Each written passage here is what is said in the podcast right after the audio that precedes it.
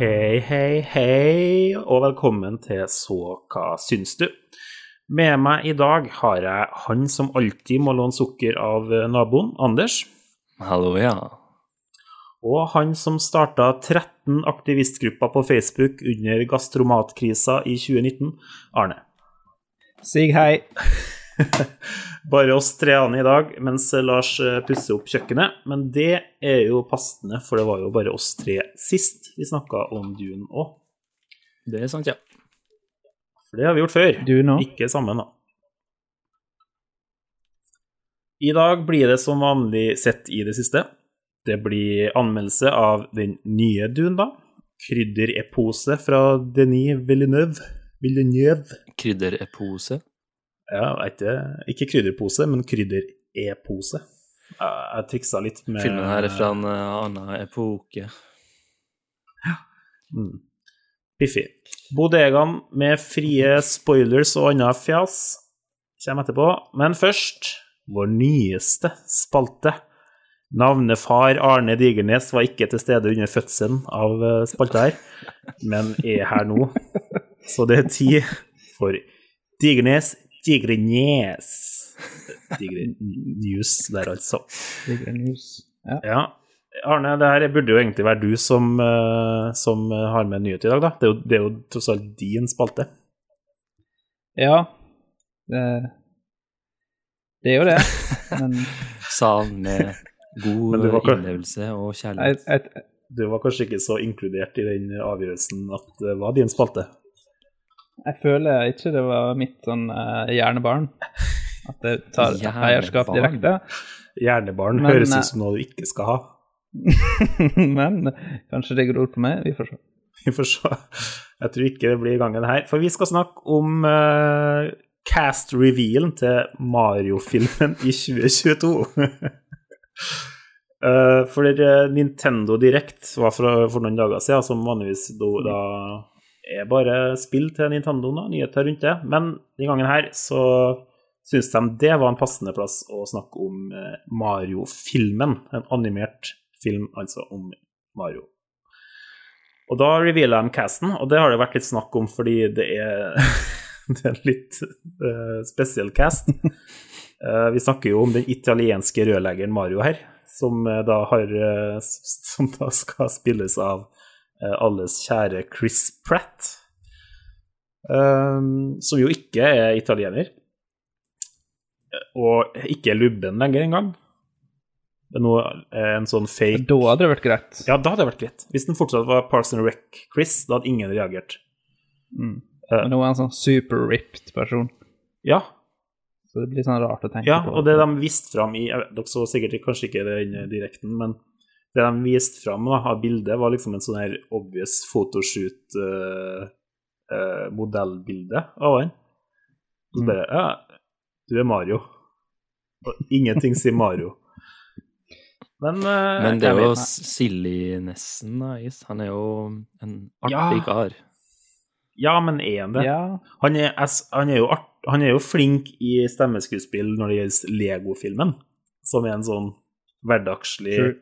Joker som ikke egentlig har noen særegenhet over seg, og det er greia.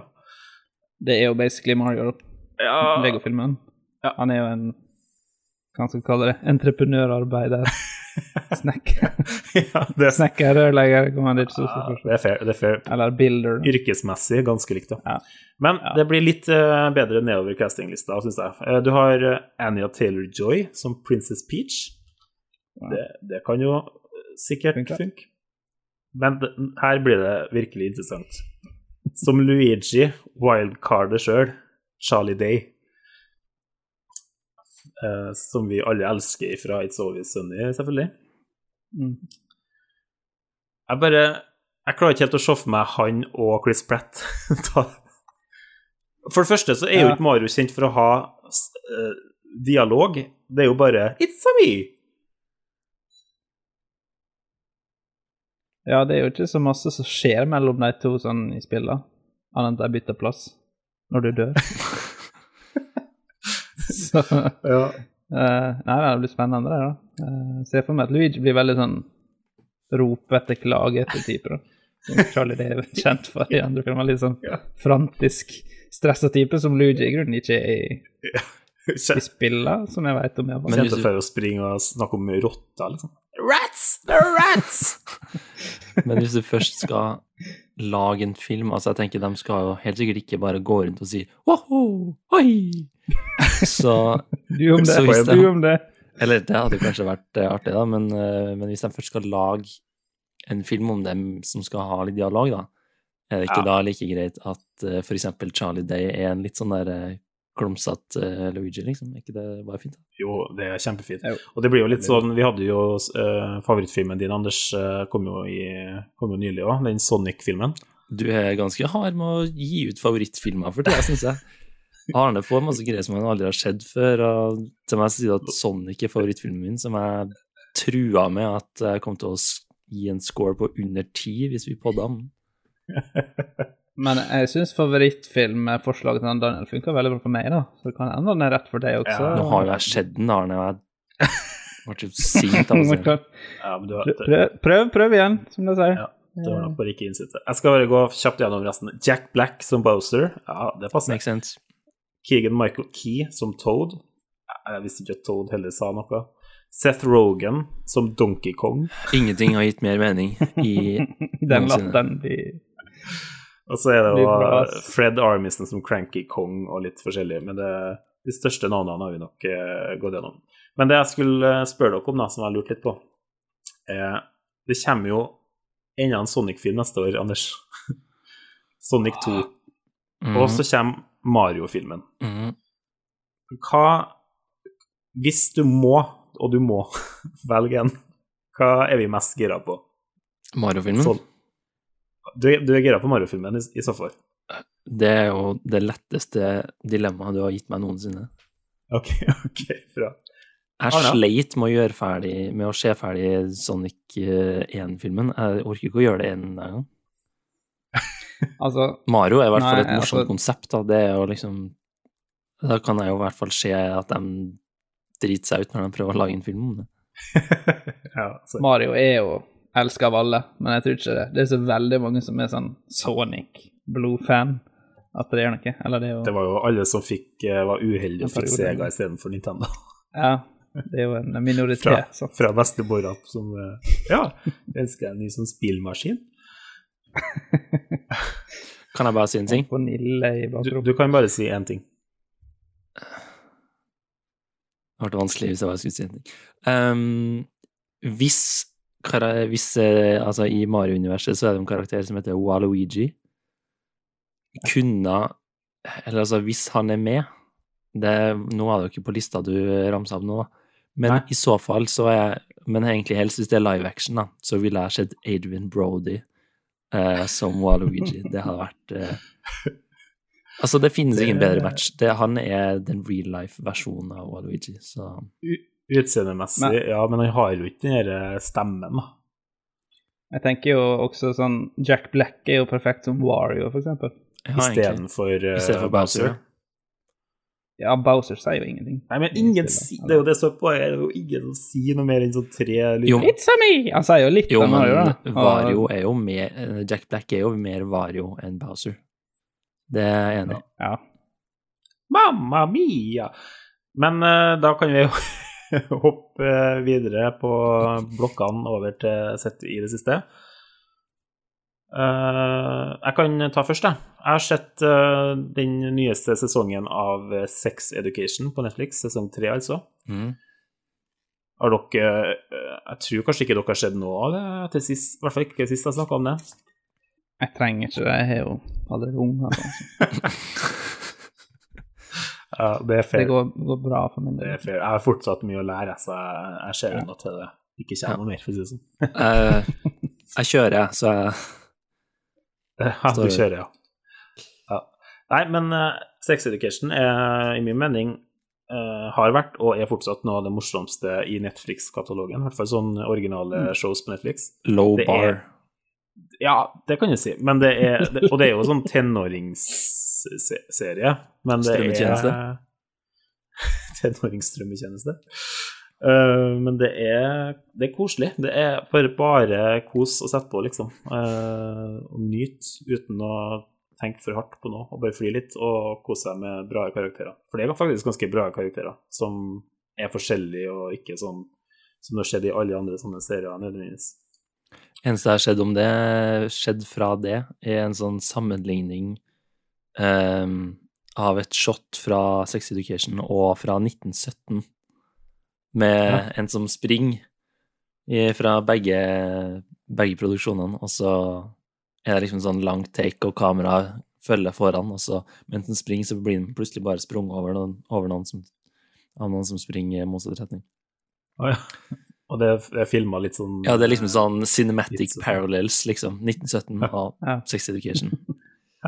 Um, det, det, er jo ikke noe som gir mening teoretisk. Så nei. Uh, jeg skal bare si at det jeg syns sesong tre er et lite hakk ned fra de to første. For det er litt mer sånn Det er noen nye karakterer som er veldig sånn cartoonishly evil, på en måte. Bare for å ha en sånn Ha noe stakes. Og sånn Plutselig så må de begynne å bruke uniform og ikke lov å snakke om sex på skolen, og det er litt sånn 1800-tall-skole eh, plutselig. Og jeg kjøper ikke hm. Klarer ikke å kjøpe det helt, hvordan de gjør den eh, nye rektoren og karakteren der. Men uh, bortsett fra det, fortsatt uh, kjempekos. Jeg har også sett uh, en annen Netflix-serie som heter Midnight Mass. Har dere hørt om den? Nei. Det her er jo Mike Flanagan, han som uh, laga The Haunting of Hill House og ja og den her oppfølgeren til um, Shining, Doctor Sleep og litt forskjellig. Så han er jo en sånn horror uh, Han er jo et stort horrornavn for tida. Uh, var kanskje også It-filmene, var kanskje Mark Fenningen òg, så tenker man. Uh, og det her er jo mer av det samme, på en måte. Det er ikke, det er ikke den her Haunting-serien lenger, som har vært to ganger, men det, er, det er horror. Og det er bare at denne gangen her så er det superreligiøs horror Uh, på et sånn lite øysamfunn som hovedsakelig er bundet sammen av i kirke og i menighet, og så skjer det merkelige ting. Jeg har bare sett eh, de første to eller tre episodene så langt.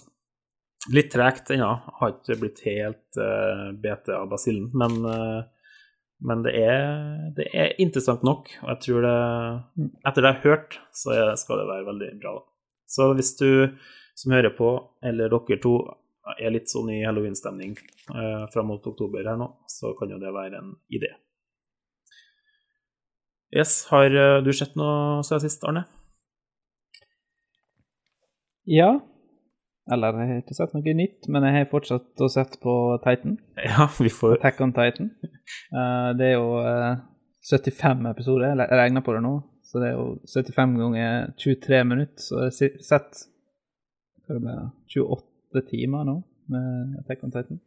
Ja. Og uh, burde komme greit inn i verden nå. Uh, jeg så jo sist, nei, eller første halvdel av sesong fire, som er det siste som kom ut. da. Okay. Og det er ekstremt mange vendinger i serien, eller sånn twists. da. Uh, og det hopper litt fram i tid nå, så begynner det bli ganske spennende. Ja. Eller, det har vært spennende hele tida, for det er alltid noe nytt som liksom blir avdekt i den serien. Så du blir liksom dratt med hele tida. Okay, men er, er, historien i, i seg sjøl spennende, eller er det mer sånn det ja. som i en er sånn anime, sånn type anime som det virker For meg så er det litt mer sånn at det er så spektakulært uh, action og scenene og, og, og, karakterene, på en måte, men kanskje ikke storyen. Men uh, storyen er bra? Jo, storyen er veldig bra. Du blir liksom sugd opp i uh, Det er veldig bra verden som er bygd opp. Ja. og det du starter liksom med samme utgangspunkt som eh, de du følger. De vet ingenting om verden, og så må de finne ut alt om verden. Og så, ja, Det er det samme for seerne. Du får ikke se noe behind the scenes, på en måte. Nei. Eh, du er liksom alltid i den uh, fog of warren, så de, og det er kult.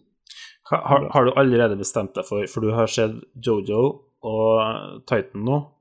Har du allerede liksom uh, kia ut hva det neste store anime-greia blir? Jeg er ikke sikker.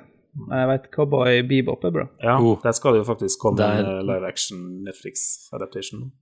Nei, Netflix må dem, liksom Der var han Anders med litt, var... og så hørte han uh, Der var jeg så med mister, i tre sekunder når du begynner å snakke om Cowboy Bebop, fordi det er jo skikkelig kult. Ja. Uh, men med en gang du sier at Netflix skal lage live action, så er jeg ute igjen.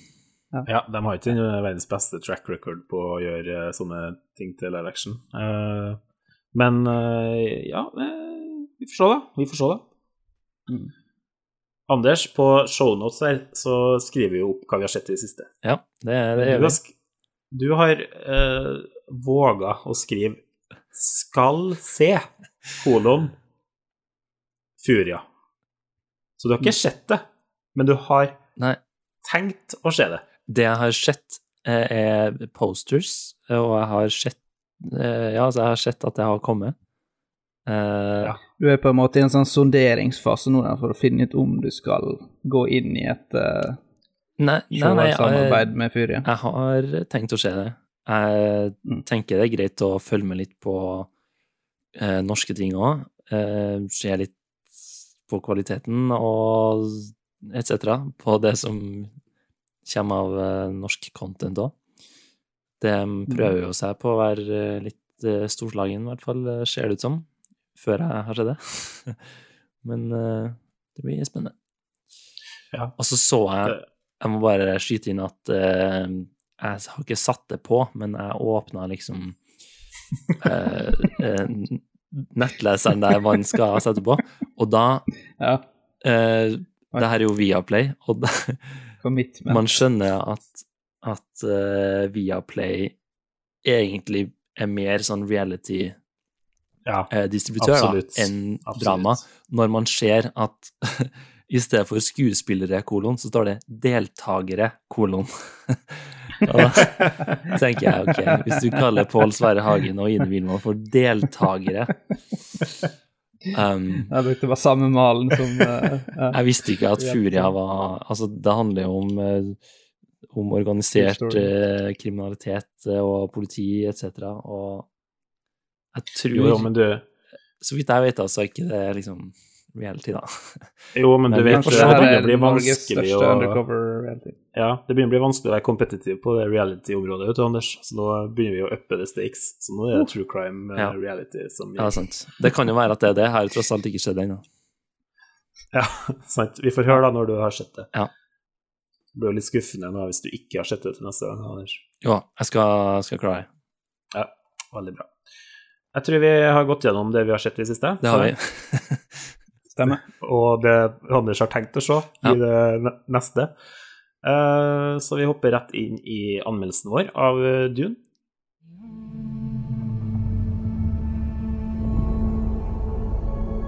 My planet Arrakis is so beautiful when the sun is low. Rolling over the sands, you can see spice in the air. The outsiders ravage our lands in front of our eyes.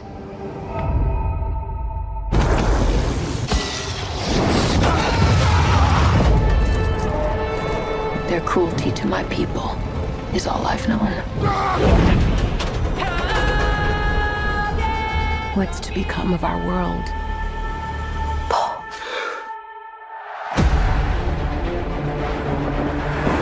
A boy. Duncan, can I trust you with something? Yes, always. You know that. I've been having dreams about a girl on Arrakis. I don't know what it means. Dreams make good stories. But everything important happens when we're awake. Look at you. Put on some muscle? I did?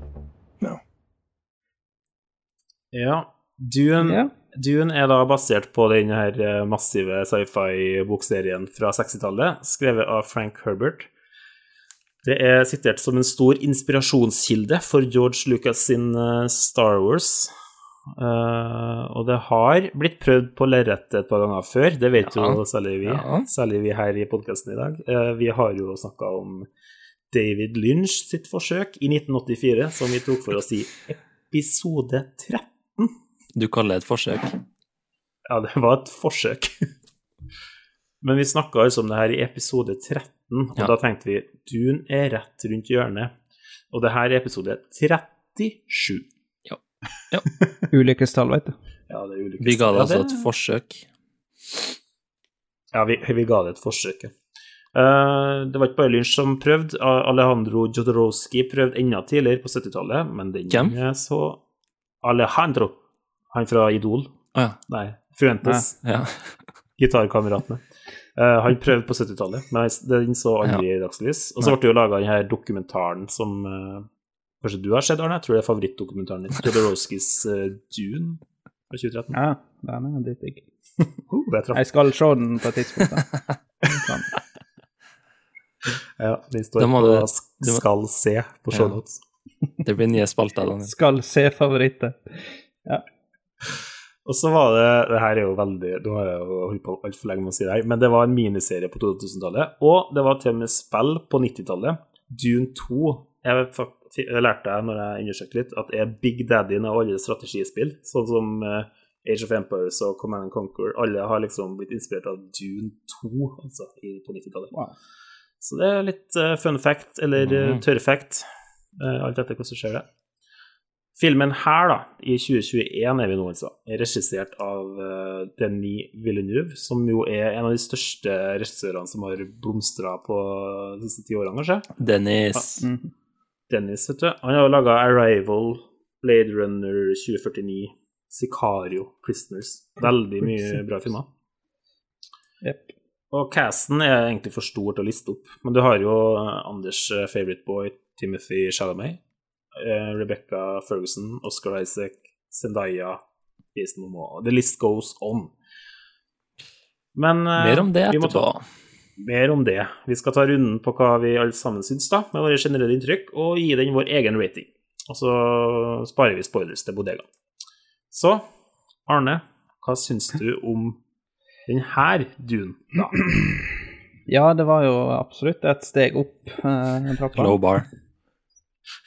Så man har Vi var i kjelleren. Ja. Man har gått fra, fra en veldig sånn klam, eh, våt, ekkel kjeller med edderkopper oppi hjørnet som de ikke tør å se på, for de er så store, til uh, den fine stua oppi uh, Altså finstua til bestemora med alle de fineste tinga. Ja, med sånn gammel Så det- det- comfy drops på Utstopp. Utstoppa Ja. seler, hadde du det? Sånn treetasjers krystallgreier som er fylt av godteri. Ja. Nei, men jeg, jeg syns det var en veldig bra film. Jeg likte veldig godt pacinga i den. Mm.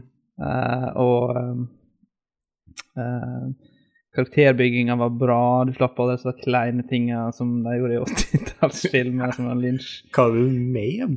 Nei, ikke Ikke snakk. Men jeg har liksom løst alt som var helt merkelig i den filmen, til å gjøre det kult i den filmen her, da. Var det, var det her som var klint, Arne?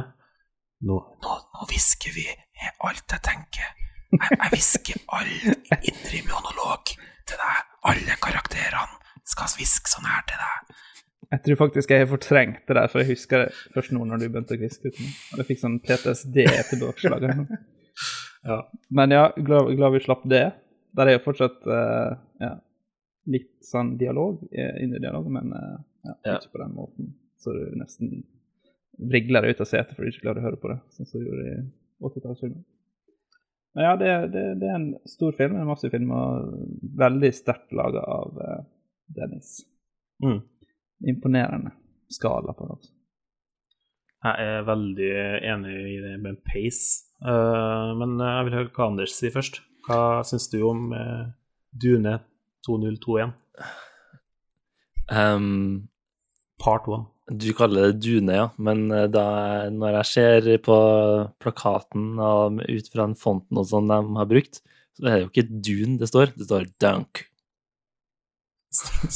Står det dunk? Nå må jeg Ja, på poster. Det er jo bare tull at det Come siste der er en E. Ja. Um, det er fordi Altså, for den som uh, hører Ja, på, må jo, må jo google, da, men, uh, men poenget er at bokstavene har, bare har en form, eh, har lik form, som bare er en bue. D-U-N og en Det er en C, altså. Det er en C. Så det står dunk. Så står på, sånn sett står det jo quack, hvis du skal bruke samme, samme på alle bokstavene. Quack. Nei, altså, det står ikke quack, det står dunk. Ok. Uh, ja, men det var. Men Det hva var- med filmen, da? Posteren, ja. Ja, filmen, ja. Uh, den var storslagen. Jeg syns at den, Dennis har gjort en bra jobb. Uh, bedre enn forrige, ja. Enig med det. Eh, jeg følte at hele filmen var som en trailer. Og Ja. hvis man har sett traileren, så er det litt sånn det, det er mye det du ser på traileren som du ser i filmen, på en måte, og det er mye den samme stemninga, føler jeg. Det er liksom Arne snakker om pacing, da, og den har bra pacing. Eh, men den går kanskje litt sånn forbi på en måte potensielle øyeblikk, da. Eh, hvis man skal være litt sånn uh, nerd på historiefortelling, kanskje. Men, men det er ikke helt der den sikter, føler jeg. Jeg føler at den skal være storslagen, og det er Jeg vet ikke, det skal være massivt, og det er en, en verden som ikke har skjedd før, og det er veldig sånn Ja. eh, stor alt skal liksom musikk, være det det største du har krig, sett. Og, ja, det skal være massivt, da. Sånn romskipene er liksom de største romskipene du har sett på lerretet. uh, og alt skal Mm. liksom være sånn wow! sånn Ja. Veldig storslagent, ja. Mm. Men overall så syns du den var bra, du, da? Ja, jeg syns virkelig at den fortjener sammenligninga med bestemors eh, finstue med godteri. Ta det som du vil. Uh, ja, jeg må si meg enig i det meste dere har sagt. Jeg syns jo Du har jo rett, Anders, i at det er litt mer Det, det har kanskje gått mer for stemninga da, enn handlinga, på en måte. Stemninga har overskygga handlinga litt. Men ikke på en sånn uh, måte som gjør det kjedelig, syns jeg. Jeg syns det er veldig spennende. Og det Og tilbake til det du sa, Arne, om at du liksom uh, bygger opp karakterene bra, og bygger opp verden bra, ikke minst. Du får liksom en sånn forståelse av den plassen mye bedre enn du fikk til sammenligning, da, David Lynch sin. Eh, Du får tid med alle sammen, eller i hvert fall med Ikke med alle sammen, det er faktisk noen jeg syns du får litt lite tid med, men med dem som er viktige da, for fortellinga, så får du god tid til å bare være med dem, på en måte, og oppdage de her uh, Arekis eh, gjennom deres øyne, uten at det blir uten at det noen gang blir tamt. Og så er det nok handlingsforløp der til at eh, man alltid spiller på hva som skal skje, syns Ja. jeg. Ja. Eh, ja, det, vi kommer fortsatt tilbake til det, hører jeg. Men det som skal sies, da, som jeg også føler at man bør eh, være klar over når man går inn i filmen, er at det her er en veldig tydelig part one. Det er, det er, det er som, som i første Ringenes herre, på en måte. Du må, du må være forberedt på at hvis du ser bare den her, så har ikke du fått en komplett historie på noen måte. Eh, for for Den- Dennis har jo Dennis, ja, som jeg sier.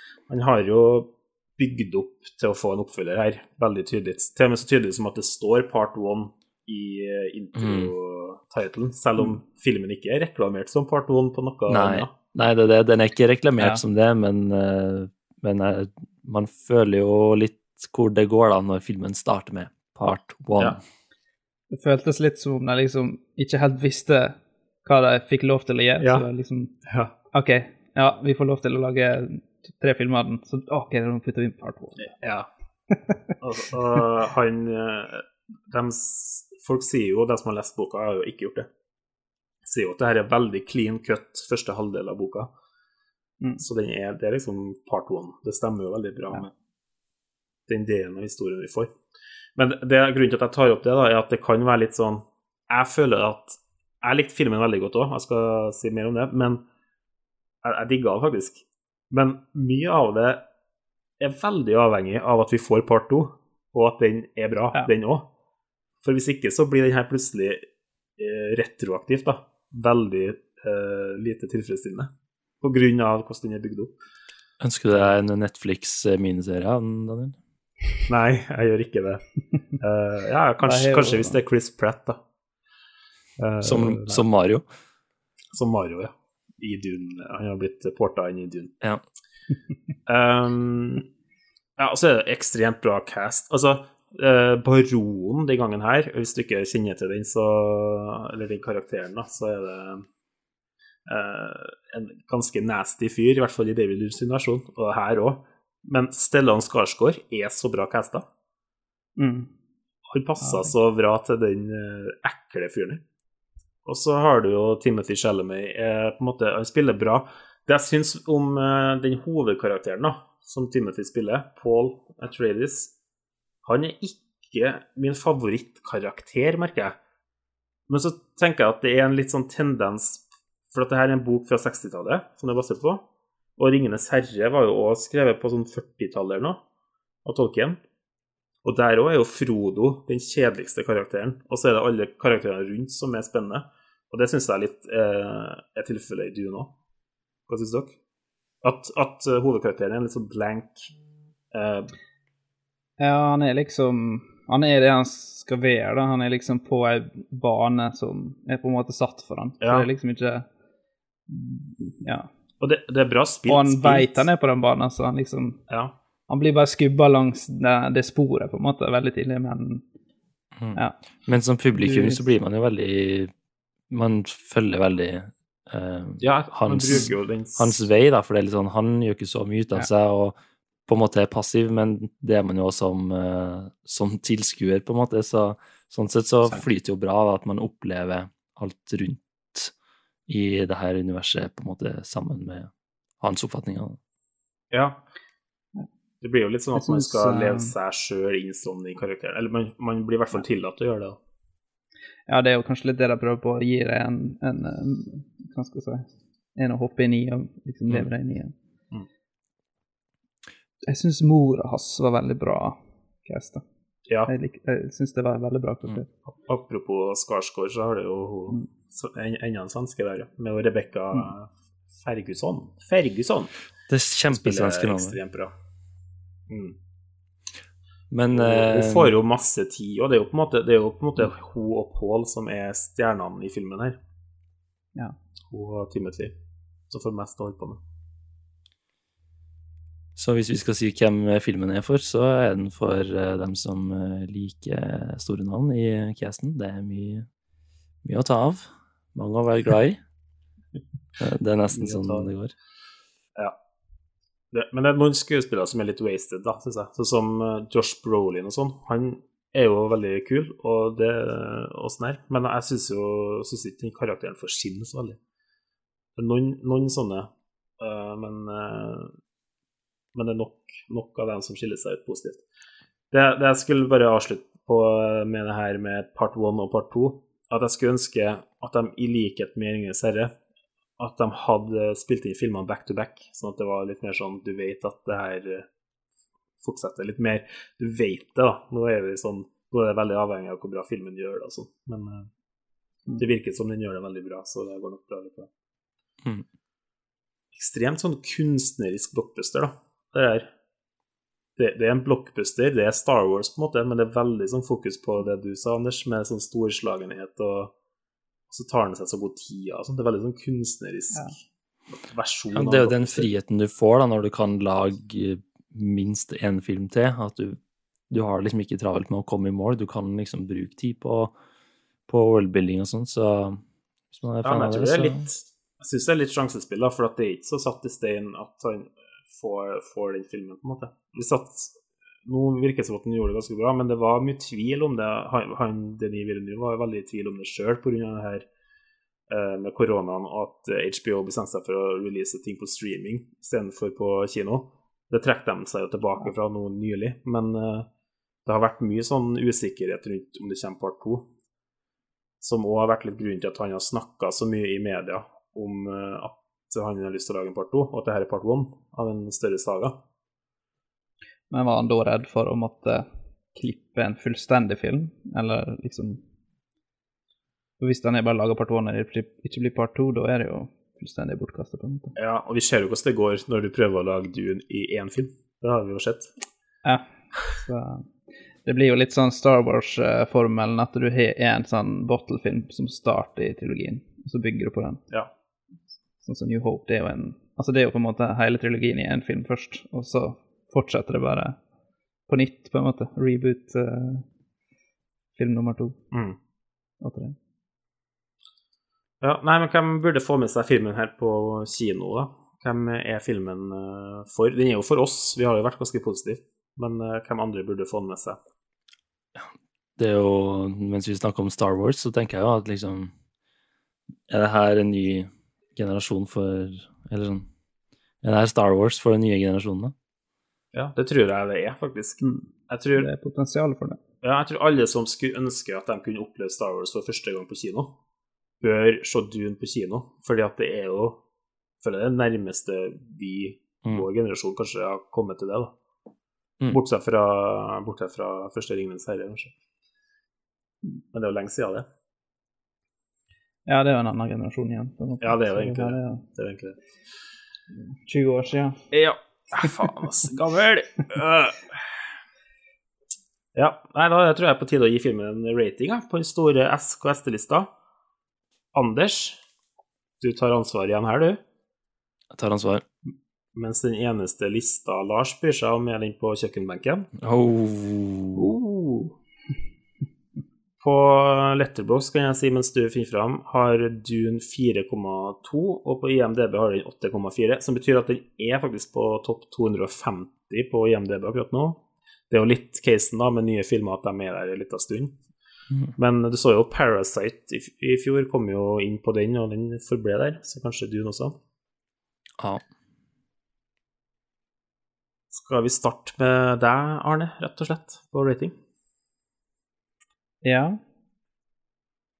Uh, ja, jeg koser meg veldig på kino med den. Uh, som du sier, bærer veldig preget av å være en eh, episode 1, part 1. Mm. Men eh, det er veldig få ting å liksom ikke like med den, syns jeg, som sci-fi-fan. Ja. Så det, Ja. det Jeg vil gi den en eh, 87. Oh. Nice. Wow. Da kan jeg ta min med en gang, for at vi havna veldig likt her, Arne. Jeg ga han en, eh, notert før du sa det, da, eh, 85 av 100. For jeg digga den, jeg òg. Nå er jeg jo bare spent på om eh, toeren tilfredsstiller meg. Mm. Så hva med deg, Anders? Jeg trodde jo at uh, jeg likte den, holdt på å si, veldig bra, og nesten for mye, Så eller sånn. Men dere, 44. men dere, dere smeller jo virkelig til her. Ja, jeg lå litt mer sånn i 30 Nei, Um, uh, nei da. Uh, mitt, uh, min score, bare for en kjapp oppsummering, så Du sa jo det her med stemning over handling. Eh, ja, eh, og det er jo noe jeg pleier å like, egentlig. Eh, nå sa jo du 'men ikke så det blir kjedelig', og det er jo egentlig det som pleier å være min, Ja, min ja. ifølge dere, da. Men, uh, Ja. men uh, så stemning over handling, det stemte fortsatt for min del. Altså. Det, det gjør at det blir riktig type film for meg. Så jeg gir den en eh, 78. ja. Nei, det var Bra det for deg. Ja, veldig bra. Det er jo som å gi en 90 for vår del, så det var jo egentlig ekstremt. Ja. Ehm, det betyr jo da på en tremanns eh, average her at eh, den ender på en 83. Og Ja. det Altså, jeg vet ikke hva som eh, Om er det noe spesielt her med at det ikke telles når det er bare tre tremannsscore, men i hvert fall med oss tre, så med 83 sammenlagt, så er det tredjeplass. Er det tredjeplass? Det er tredjeplass på lista. Shit. Slo ut Um, hva, hva var det som var da? Memories of Murder? Eller altså, det er jo for så vidt likt, da, med Inception. Oi. Så det er en delt Oi. tredjeplass her. Vi har et glass til, 88, Memories of Murder, 86, både Dune, eh, årets Dune, og Inception, da, på 83. Bare slapp av til Inception-fansen. Hvis eh, Lars følger trenden til podkasten her, så kommer han sikkert om fire uker og slenger en, eh, en drittkarakter på 29 på han her nå, og så trekker han langt ned. Ja. Nei, altså, her føler jeg jo at uh, når Lars eventuelt uh, får sett den, så må han inn og gi den en score her, så vi, så vi får se om den uh, kan få beholde noe pallplass her eller ikke.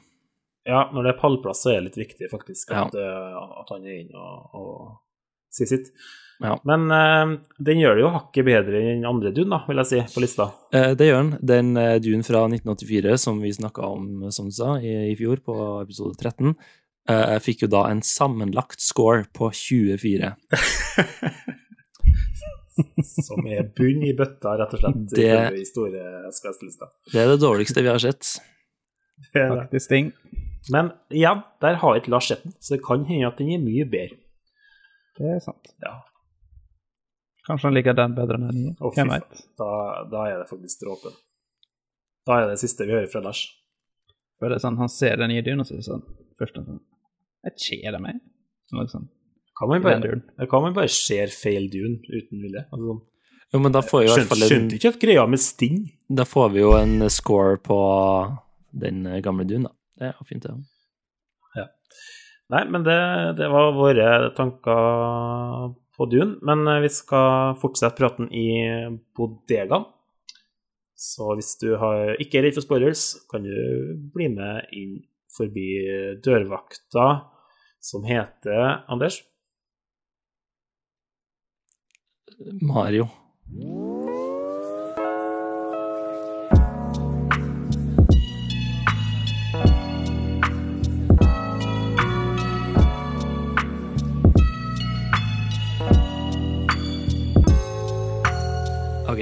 Ok, apropos Ja. det her eh, um, karakterene og skuespillerne og alt det her. Eh, Da vi, vi har jo vært innom og snakka om eh, filmen her litt før, på Trønder-TV-en og sånn, da. Og da Når vi snakka om Når traileren kom der, så var det liksom alle stjernene vi, vi gikk gjennom navnene og sånn, og tenkte på nå blir det stjernespekka film her, og det her blir fett. Eh, men hvor mange av dem er det egentlig man bryr seg om? Det er litt sånn, du var så vidt inne på det, at det er litt sånn Ja, Chalamet spiller hovedkarakteren, men bryr man seg egentlig? Um, Zendaya er nesten ikke med. Uh, Oscar Nei. Isaac, Nei. som spiller faren um, Man skjønner på en måte litt hvor det går, men du, du trenger egentlig ikke å kjenne til historien for å skjønne at han kommer til å dø i løpet av filmen. Uh, fordi Nei, han er sånn ligger- ligger opp til. han, Ja, jeg vet ikke. det- Han legger så veldig opp til det sjøl. Men vi visste jo det, da. Vi har jo sett uh, Jo, men du, du trenger ikke å ha sett filmen, den gamle filmen eller lest bøkene eller noen ting for å skjønne det, for det Nei. prosjekteres så fryktelig, syntes jeg i hvert fall. Så Så da blir jo den det det. karakteren litt basic òg. Han har heller ingen sånn I motsetning til noen av de andre karakterene, du skal sikkert innom det, øh, så har han heller ikke én sånn dritbra scene som han får liksom som, som har gjort det ok. Har, det eneste han har, er når- en sånn walk and talk liksom med, med Timothy, Mm. Uh, der han sier, han sier jo noen sånn fin quote eller Ja, jeg- med liksom Uansett om du tar over etter meg, uh, så er du fortsatt sønnen min, liksom. Og han har noen Mm. sånn grei, grei dialog, for så vidt, men det, det er liksom ikke noe Det er ikke en scene der som du sitter igjen med når han først dør, da.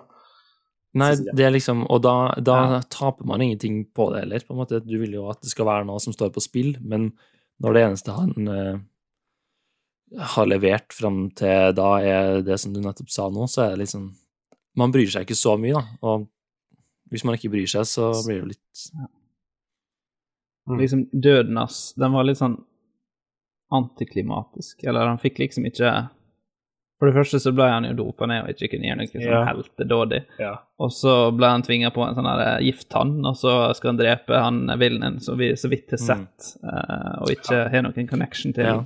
særlig enda, bortsett fra at han ser litt ekkel ut og sånn. Og det kunne også blitt bygd opp mye bedre når han får den der 'her er gifttanna, og du kommer til å dø, men da kan du drepe skurken'.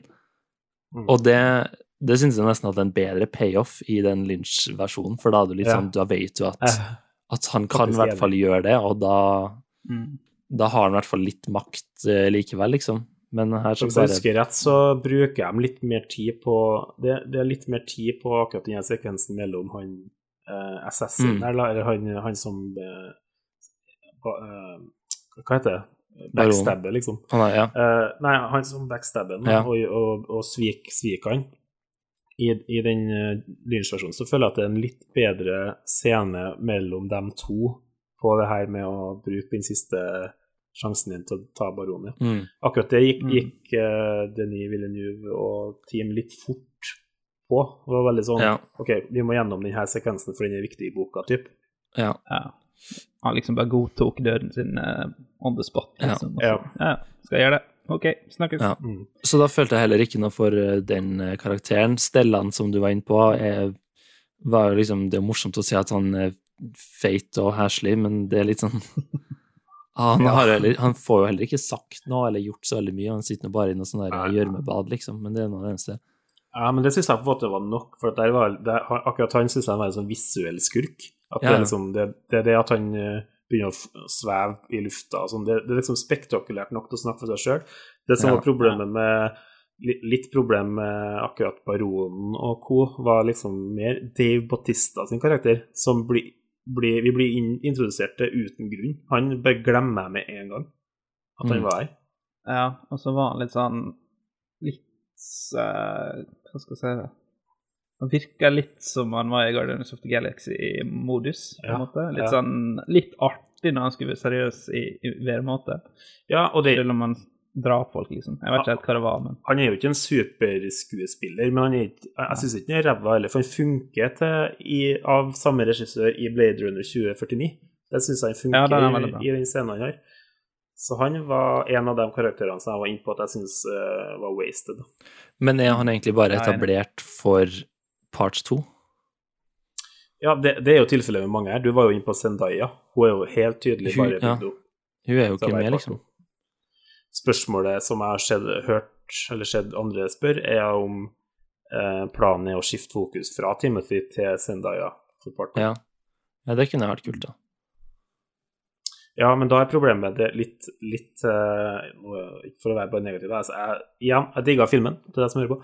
Um, problemet er litt at uh, det med at vi sier at Timothy, eller Paul, ikke er den mest interessante figuren, og at han kanskje ikke egentlig vokser til å bli en skikkelig figur i part én. Hvis fokuset ikke er på han i part to, så får vi heller aldri den uh, Vi får ikke uh, Nei, du får ikke fullført reisen hans, på en måte. Nei. Det blir som om Frodo bare ble igjen oppi grotta til Mm. hun edderkoppen. Ja. Den siste jeg bare ville nevne på kasten her, var jo han eh, Jason Mamoa, som eh, I guess er for alle Game of Thrones-fans som fortsatt er her på fantasy-filmen, liksom. Og I guess han er for uh, comic relief, liksom. Men de har jo brukt opp alle vitsene i traileren.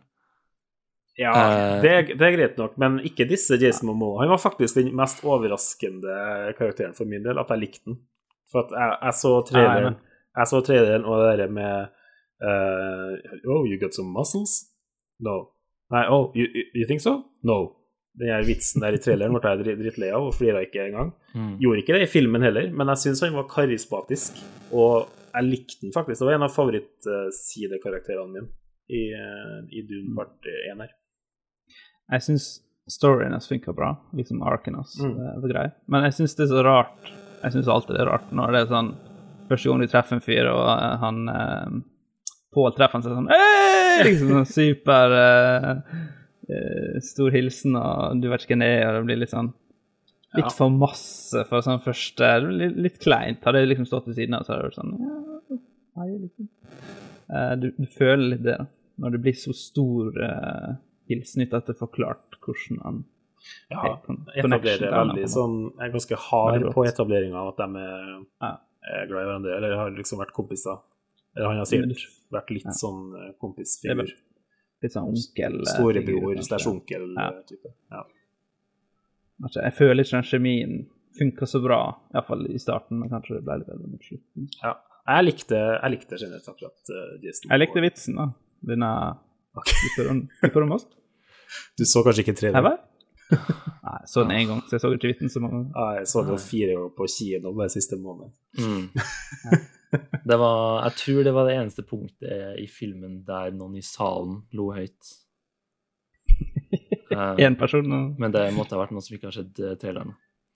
Ja, fordi Eh. bortsett fra den figuren der, Anders, så er det ikke så mye sånn comic relief moments i filmen her, til å være en sånn, sånn type film.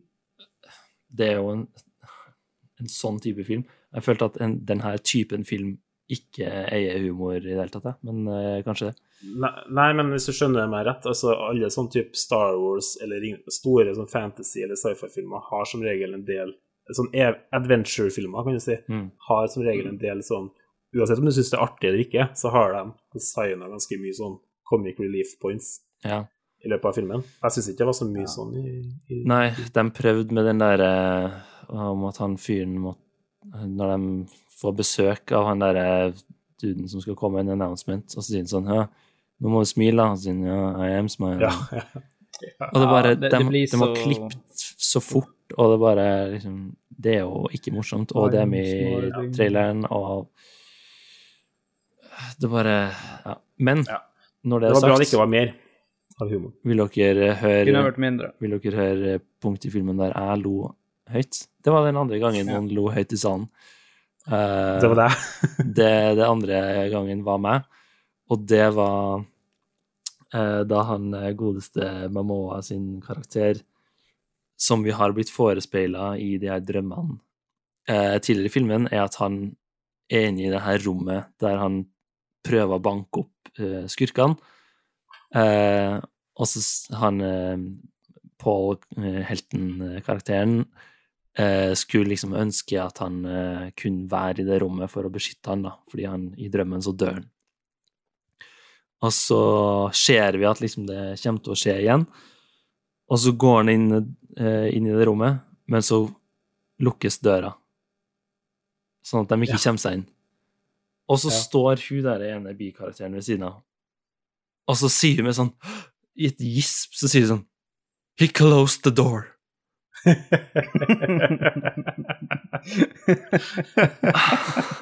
Bare i tilfelle han var usikker. er det mulig, liksom? Uh. Jeg vet ikke engang hva jeg skal si. Det, Ja. det var den største cringen jeg har opplevd noensinne. Åh, nei, da lo jeg høyt. Det var det dummeste jeg har sett. Alle andre var sånn Å nei, han kommer til å dø. Og så hører du bare en ved sida her bare ut. Men uh, faktisk, det var, det var sånn det var. Ja, Det var litt klisjé øyeblikk når han stengte døra og skulle fighte døden, men Jo, men uh, det øyeblikket i seg selv er jo liksom fair enough, og det er jo en Ja. del av historiefortellinga at uh, de her drømmene er sanne, og at, og at han ikke får gjort noe med det. Men ja, bare det, uten det sitatet så hadde det funka. Ja. Enig. Arne, du sa jo at du likte um, Eller jeg husker ikke om det var Arne eller andre som sa det, egentlig. Men uh, det her med at uh, den barontanna det var gjort bedre i den David Lynch-versjonen. Det var jeg som sa det. Ja. Det var òg andre ting som jeg syns var litt bedre i, i den, faktisk, da. Skjoldene? Eh, nei, ikke skjoldene. De de her Tetris-blokkene, de savna jeg ikke fra ena. Ena, altså. Fra Min- Mener du Minecraft-karakteren så de hadde snikt inn i 80-tallsfilmen? Ja. Men ja, OK, vi kan ta det. Syns dere de skjoldene her funka så veldig mye bedre? Jeg synes fortsatt det var litt sånn Jeg skulle ønske at jeg så bare fightinga istedenfor de her effektene imellom. Nei da. Det var veldig sånn Å, nå er det rød, nå ble det truffet. Det ble litt, litt Ja, og hva hjelper dem? Alle sammen slår jo bare gjennom Å, vi må slå litt Ja. saktere. litt, litt, litt mer bestemt. altså, det, det er et kult, en kul idé fra 60-tallet, liksom, som ikke helt uh, blir like kul fra bok til film, tror jeg. For det, det blir bare litt rotete. Selv om uh, Det ødelegger ikke noe mye, men det det er litt rotete. Ja. Men det skal jo være litt Men- sånn futuristic, da. Men det bare Det funker ikke så bra. Nei. Men, eh, Men det, det forsøk, den eh, scenen jeg tenkte på, som jeg lurte på om dere syntes var bedre i originalen eller i den her, det er selve sandormene der, som jo er en stor greie i Dune. Det er jo noe av det kuleste med Dune, er jo de her enorme ormene som drar ute i ørkenen. Enorme. Artig du, Daniel. I see what I did there. Ja, Um, Flere enn én. Flere enn én. For kino tar det. Ja. Flere ormer enn en orm. Å ja. Uh, ja. Jeg syns, jeg syns de, de ser jo kanskje bedre ut her hvis man skal sammenligne det side by side, men jeg syns det var nesten mer imponerende i David Lynch-versjonen, hvordan de hadde klart å gjort de ormene, hvis dere skjønner meg.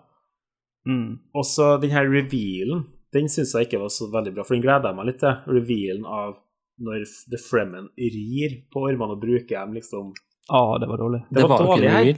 Det var jo liksom Det var bare, det skjedde bare i bakgrunnen, og ingen spekulerte på det.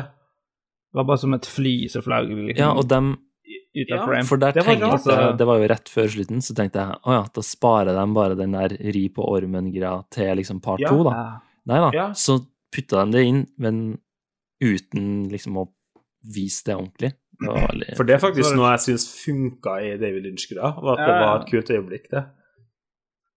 Og så så det, det var sånn dårlig sånn digital zoom inn, og så sånn fake camera shake og sånn. Nei, det var flaut. Og så fikk jeg ikke se ormen engang. Sånn, Flaut. det så bare fyren. Nei. Nå har vi brukt en del av bodegene til å snakke om eh, Men det her var dårlig. Så Arne, jeg skal utfordre deg. Si noe som du ikke har sagt ennå, som var sinnssykt eh, kult eller bra. Sinnssykt kult eller bra. For vi var jo mest positive. Ja, uh, det er klart.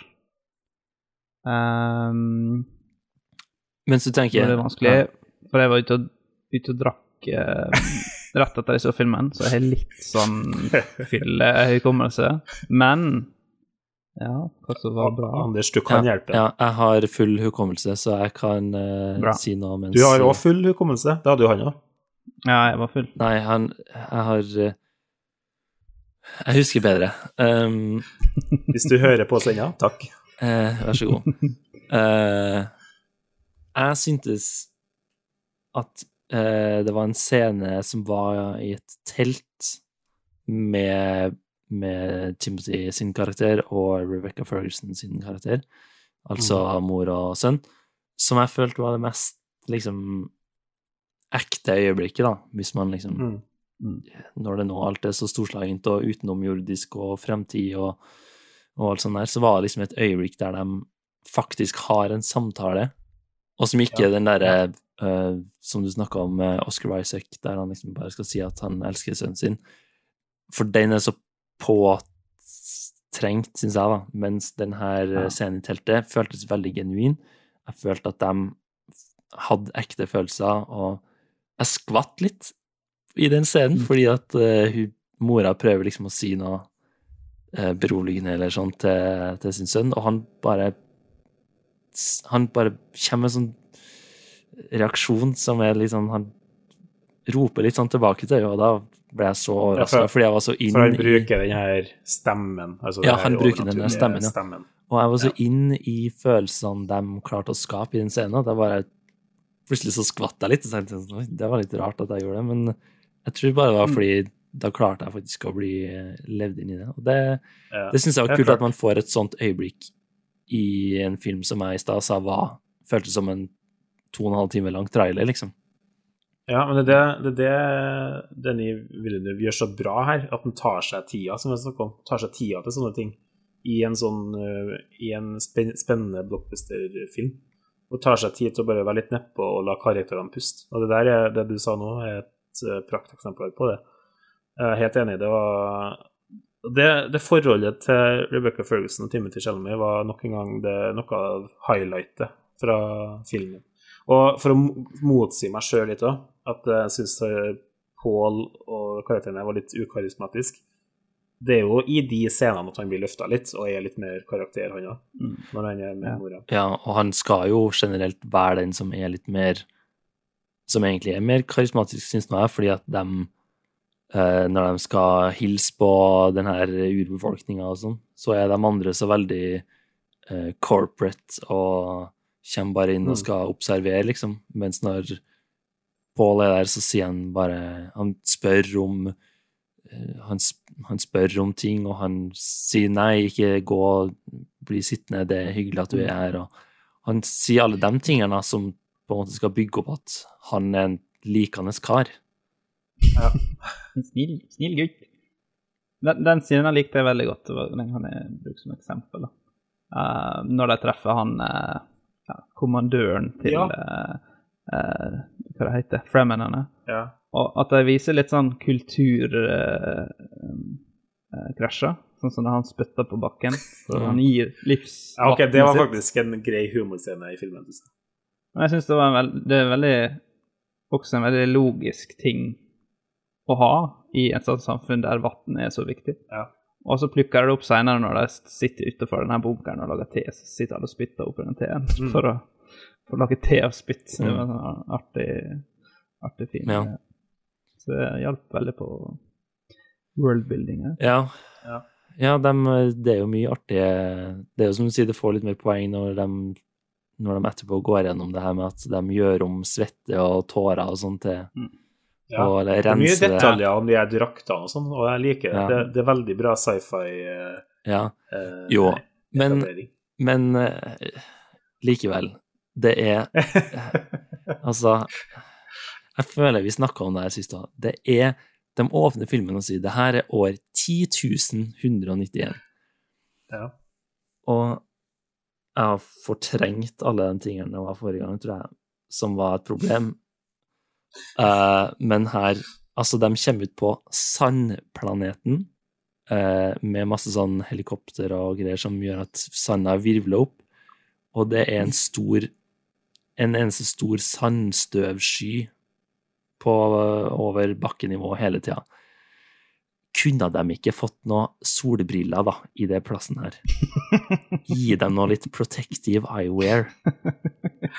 De, Eneste på drakta som ikke tilpassa Ja, det, det var litt rart, Anders, fordi når de går av og lander der for første gang, og går gjennom de her støvskya på Rakkis der, så har damene har på seg De har på seg fornuftig eh, hodeplagg eh, Mm. foran, og dekker for øya. Og så går Paul og Oscar Isaac sin eh, altså faren de De går der bare spankulerer. og sprader gjennom, blunker ikke engang med øynene. Nei, og det var litt det som er greia, at det er da du vet at de ikke har vært ute i ørkenen og filma det engang. De har vært i et studio, for hvis ikke så har de bare gått og gnidd seg i øyet og vært Nei, Mysa filler'n, nå fikk jeg sand i øyet igjen. De har high-tech-skjold og high-tech eh, på Det er seg. skjoldet som beskytter øynene, kanskje det fungerer? Nei, de har det du ikke briller. på når de ikke er Ja, i kamp, fordi da ser man at det er sånn. Åh, det var dummest at de tar av seg skjoldet når de sover. det, det er jo like stort som ei klokke, liksom. Folk sover jo med klokke. Kan ikke du ha på deg skjold som redder livet ditt hvis du men Ja, men du, du vet, de sier jo du skal ikke lade telefon på natta. Ja, det er litt Det er det samme. Ladeporten er sikkert inn under skjoldgreia, sånn Mm. som på uh, Apple-muset, så de må ta den av for å lade. Ja. Ja, det er nok uh, grunn til det. Men, men worldbuildinga sånn ellers, da, utenom at de mangla solbriller og solkrem, kanskje, og jeg vet ikke, de Jeg følte at Skjoldet! de gikk litt Skjoldet! Ja, okay. uh, ellers så syns jeg worldbuildinga var litt kul, da. Det var veldig sånn Ja, helt enig. Når de flyr over uh, dune, og man ser uh, hvordan på en måte arkitekturen er, og, og jeg syns det var veldig kult med de der fluehelikoptrene. Ja, det sånn. var. Det var liksom Aldri sett før. Det var- det var fett. eh, Da har de liksom helikopter. De har brukt noe vi kjenner til, og lagd det veldig futuristisk og nytt. Det var, det var kult, så kudos eh, for den. Men, Ja, eh, det, det finnes jo ikke et dårlig bilde i filmen her. Det, det jo, jo så det finnes et dårlig bilde. OK, faen. Prøv det. men det er egentlig bare Skutt ned med en gang! Jo, men det er egentlig bare fordi hele filmen er så gjennomført og pen, og det skal være Alt er nytt. Alt er liksom De filmer planeten fra undersida for at du skal føle at det er en vinkel du ikke har sett av en planet før, føler jeg at Og som jeg sa, arkitekturen og alt er liksom vist så flott, da, og, og alt skal være så annerledes. Og så er det ett shot i filmen der Paul ser utover solnedgangen over havet. Og det, det skjønte jeg ikke. Hva De er på sandplaneten, det finnes ikke vann, alt er bare Det var kanskje ikke der de var engang. Jeg syns bare det var så rart. Nei, det var før de, de, det var før ja, de dro. det var før de dro dit, åpenbart, da, fordi det der var det jo bare Jeg syns det var et fint Jo, men, eh, men de, alt skal være så annerledes og så fett og high-tech, og så bare solnedgang over Ja, havet. Man må jo fortsatt nyte de, de, de små godene i livet, vet du, Anders. Selv om man har eh, Farvel til havet. Jeg syntes farvel bare til havet. Ja, det var sikkert noe symbolsk der. Jeg følte bare at det var det mest liksom hverdagslige skuddet de kunne hatt liksom i hele filmen, og så putta de inn det blant liksom romskip og alt sånt der. Det, jeg stussa litt på den. Jeg, jeg savner litt, uh, for det første, største i filmen her. Nå kan det hende jeg husker feil, men jeg syns aldri de sa The Spice Must Flow. Nei, de gjorde ikke det. Eh, og det er ikke bra. Men Men det det der- kommer vel sikkert. Som sånn tredje film, siste scene. Så Ja, det, det ja, var- der. The spice must flow. Men, men det jeg vil si, Arne, er Fear is the mind killer. Det er òg det er kult. Ja, Det, det, det funka bra i den filmen. her, Den her okkulte greia de holder på med. Det. Ja. Hva syns dere om Painbox-scenen, da? What's in the var jo- box? Det var jo en hel affære i David Lynch sin òg, det. Det her med Mm. gaulinga til en Ja. han, eh, Og? Twin, Twin Peaks uh, Nei, Mm. hva han spiller Ja. Nei, eh, Du, forrige gang, Daniel, så, så tok du jo frem et eh, letterbox til review som du syntes var artig. Nå skal jeg gjøre det, eh, bare fordi vi snakker om den scenen. Eh, Dennis eh, kolon, altså regissøren. Uh, you remember that movie Seven, where Brad Pitt was uh, asking what's in the box? Timothy Chalamet. Oui. Dennis. So, we're gonna need you to put your hand inside it. Ja. Eh, jeg tenker på en annen quote, eh, en annen film, eh, Arne. Hør om Ja. du kan være med meg på her. Eh, The Wicker Man med Nicholas Cage. What's in the bag? A shark or something? uh, Og de som ikke har sett den filmen, gå og se den filmen. favorittfilmen til Ja. Ah, Eh, not the bees. Not the Bees. Nei, det Ja, det var litt Seven, faktisk, ja, på denne boksen. Men jeg syns, eh, jeg syns det var Jeg likte det. Ja, jeg òg likte det. Jeg syns det var litt, litt Altså, det var fortsatt ganske ekstremt, men det var litt mer eh, eh, Ja, toned down fra David Lynch, som det var litt på styr, syns jeg, den scenen. Det ble litt uh, goofy. Ja, men Ja, den Det eh, tingen. Det var jo i hvert fall en komplett scene. Den ga litt Det, ga mening, liksom. Det var, Mm. Mm. det var good stuff. Men et, eh, nå, vi går jo på en negativ roll her. Alt som er dritt med filmen, skal ut i bodegaen. Og en ting som er dritt med filmen, er jo at Sting ikke er med. Hva faen? Hvorfor får ikke Sting komme tilbake? Hva er det som skjer? Sting var, jo- gjorde jo en så eh, god jobb som skurk. Hva, første- hva er verst? At Sting ikke var med inn her, eller at Bill Murray ikke var med i nye Space Jam? Um, Bill Murray, må jeg si. Ja. Det er en skam. er Eller iallfall De må jo ha en tilsvarende Ja, person, da. ja, Men hva, hva er Det er akkurat tils- det jeg skal frem til, for jeg vil at dere Ja. skal til part to cast Ja. en artist for meg som skal dukke opp der. En, som, en spinnvill figur som ikke hører hjem, som Sting da altså Mm. gjorde. En stor artist. Ja, eller en, en uh, obscure artist, hvis du heller på det. Bieber, liksom? Arne, Arne, Beaver. jeg vet ikke om du. Var det før opptak at du snakka om Biggie Smalls? Det har kanskje vært litt eh, Ikke at det går an, da. Det er litt bare. Men det kan være sånn hologram, da, sånn som med Tupac. Nei, Bieber, kanskje. Det er Justin Bieber. Det hadde gjort det for deg hvis han kommer og The Spice Must Flow. Det hadde vært, eh, det hadde vært snodig. Ja. Men eh, ja, det er jo uh, never, never say never, tenker jeg. Nei. Odd Nordstoga. Åh.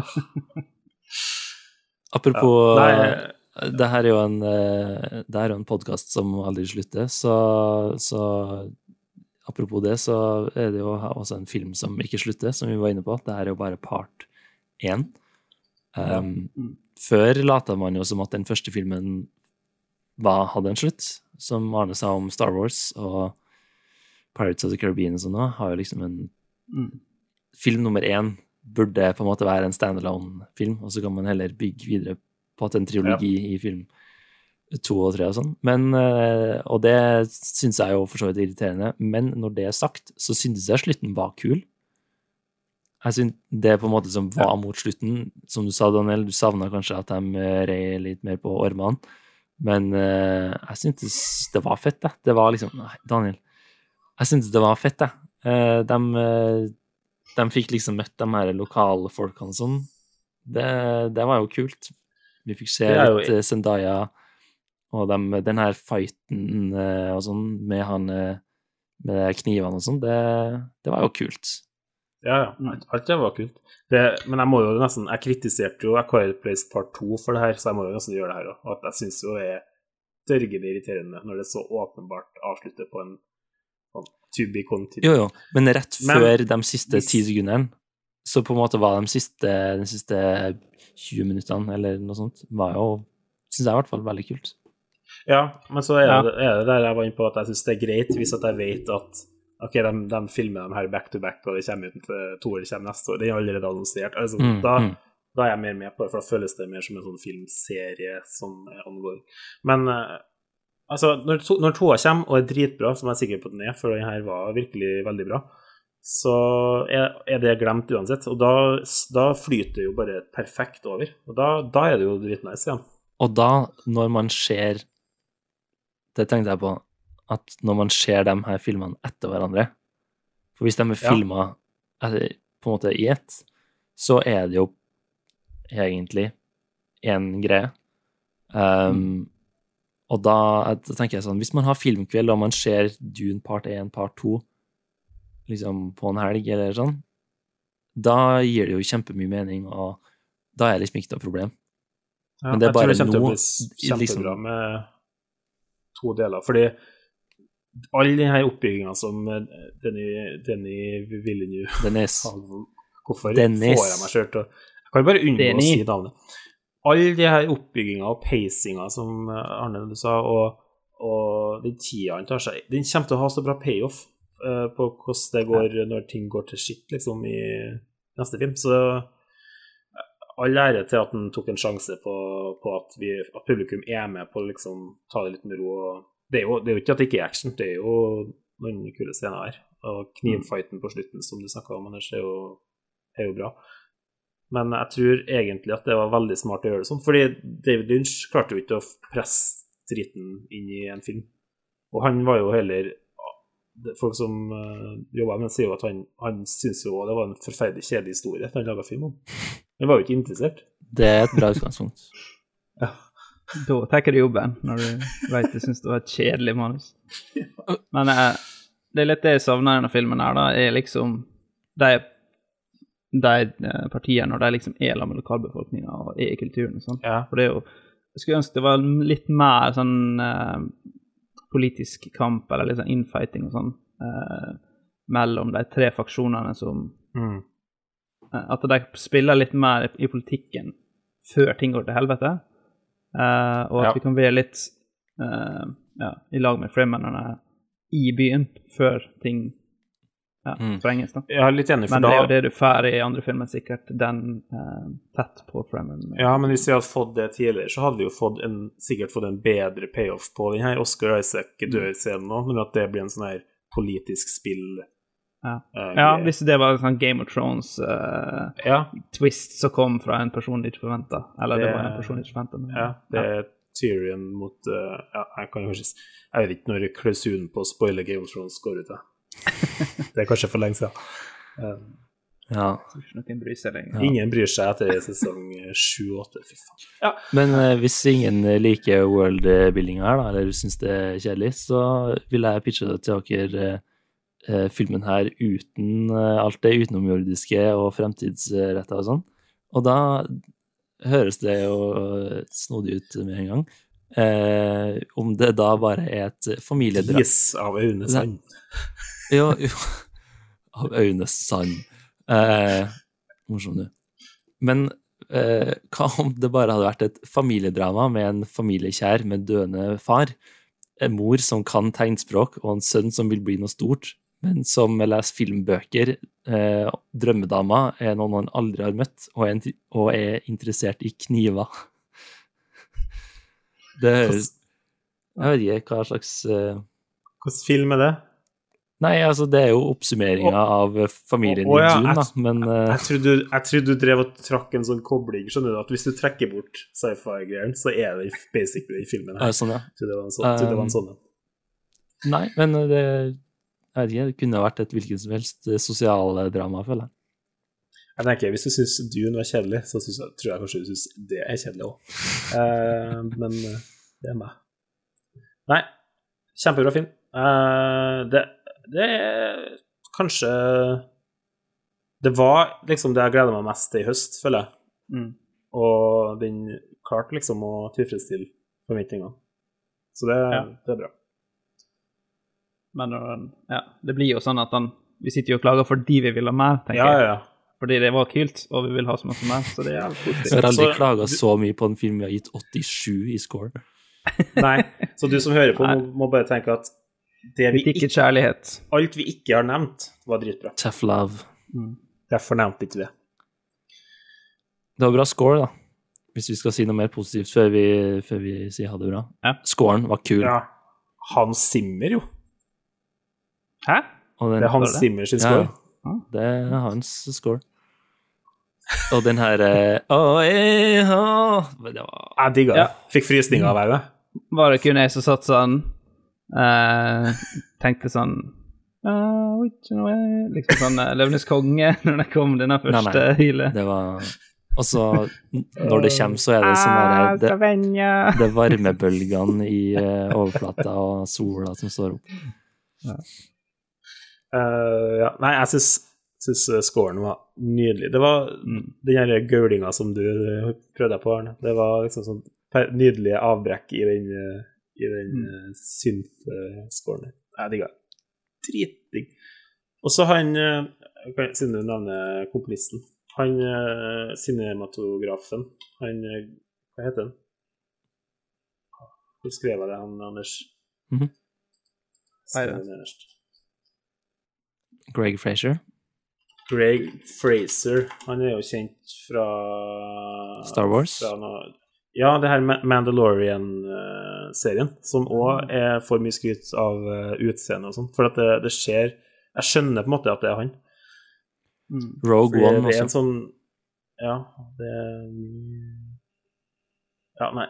Han, altså, Denise Villeneuve, jeg sa igjen, han har klart å samle A-team her, altså. Både i crew og cast. Det er en annen film, Daniel. Brad- Bradley Cooper. ok, da tror jeg vi har fått spytta ut uh, det siste vi hadde av væske, så da kan vi dø en fredfull død på Arrakis. Kan ikke vi, gutta? Jo. Med uttørka øyne får vi ikke på bildet. Som Anders. Mm. Ikke sant. Um, før jeg avslutter, så tenkte jeg at jeg skulle minne dere på eh, et lite øyeblikk fra episode 13. Eh, når eh, Ja, dere hører. Ehm, Arne, nå får du litt av en oppgave av meg her. Okay. Oppsummer hva Dune handler om på 30 sekunder men gjør det som om det er en Old Spice-reklame. OK. Eh, ok. Er du klar? Ja. Tre, to, én, go. Hi, I'm the son of an uh, a, an emperor. Now I'm in a spaceship. Now I'm in a desert. Now I'm raiding a worm. Jeg kommer ikke lenger. Å, nydelig. Ja, Deilig. jeg skulle egentlig ha tvingt deg til å gjort det enda en gang, men vi fornøyer oss med den gamle. Jeg er glad for at vi kan nyte den gamle, og ikke gjøre det igjen. Ja, akkurat. I neste episode snakker vi om den nye Bond-filmen, No Time To Die. Til da så kan eh, eh, Anders ta sin eh, gode gamle catchphrase. Ah, Som er Du har ikke et nytt lydklipp. Jeg har ikke et klipp nå. Nei, okay, skjønner, jeg skjønner at det var litt villedende. Ja, okay, ok. Eh, ja, min kjente catchphrase som jeg har funnet opp helt selv, er jo It's not a you. It's a me, Mario. Og med det Takk for oss. Det er det Mario sier når han slår opp med Peach.